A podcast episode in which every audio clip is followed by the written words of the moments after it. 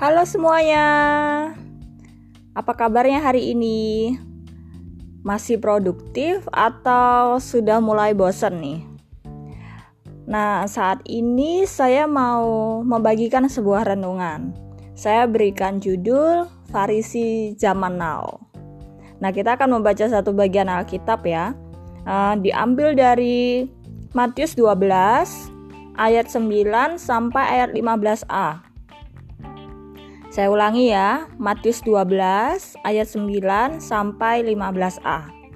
Saya akan bacakan untuk kita dari ayat 12 saja. Bukankah manusia jauh lebih berharga daripada domba? Karena itu, boleh berbuat baik pada hari Sabat. Nah, saudaraku, memang di sepanjang Alkitab itu kita akan melihat bahwa pertentangan antara Yesus dan orang Farisi itu terus terjadi sepanjang masa pelayanan Yesus di dunia. Hampir setiap tindakan Yesus itu mendapatkan kritik tajam dari orang-orang Farisi ini.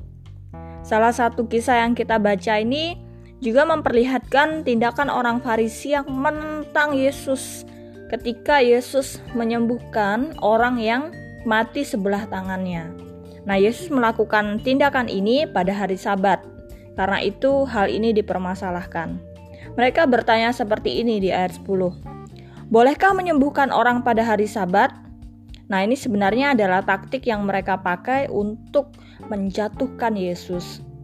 Alkitab memberikan penjelasan yang menarik mengenai pertanyaan ini, yaitu dikatakan maksud mereka, orang Farisi itu, ialah supaya dapat mempersalahkan dia, supaya orang Farisi itu punya bahan untuk menyalahkan Yesus.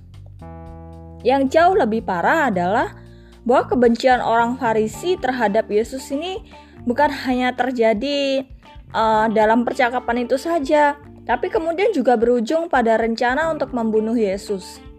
Wah, bukankah itu sesuatu yang lebih gawat lagi ya? Nah, saudaraku, hari ini siapa pun bisa menjadi orang Farisi zaman now.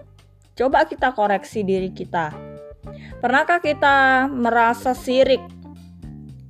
Sirik dengan keberhasilan pelayanan seseorang?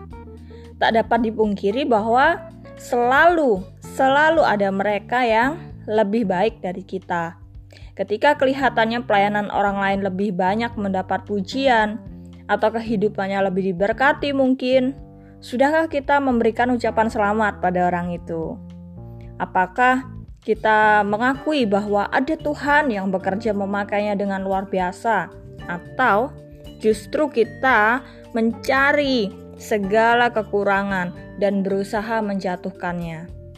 Waspada yuk, mari kita menjaga hati kita agar tetap murni di dalam melayani Yesus. Jangan sampai nih kita merasa terlalu rohani sehingga kita merasa berhak menghakimi kehidupan seseorang. Ketika ada rekan lain yang melayani Tuhan dengan sangat baik, marilah kita memposisikan dia sebagai saudara seiman dan saling bergandengan tangan demi kemuliaan Raja di atas segala raja. Semoga menjadi berkat. God bless you.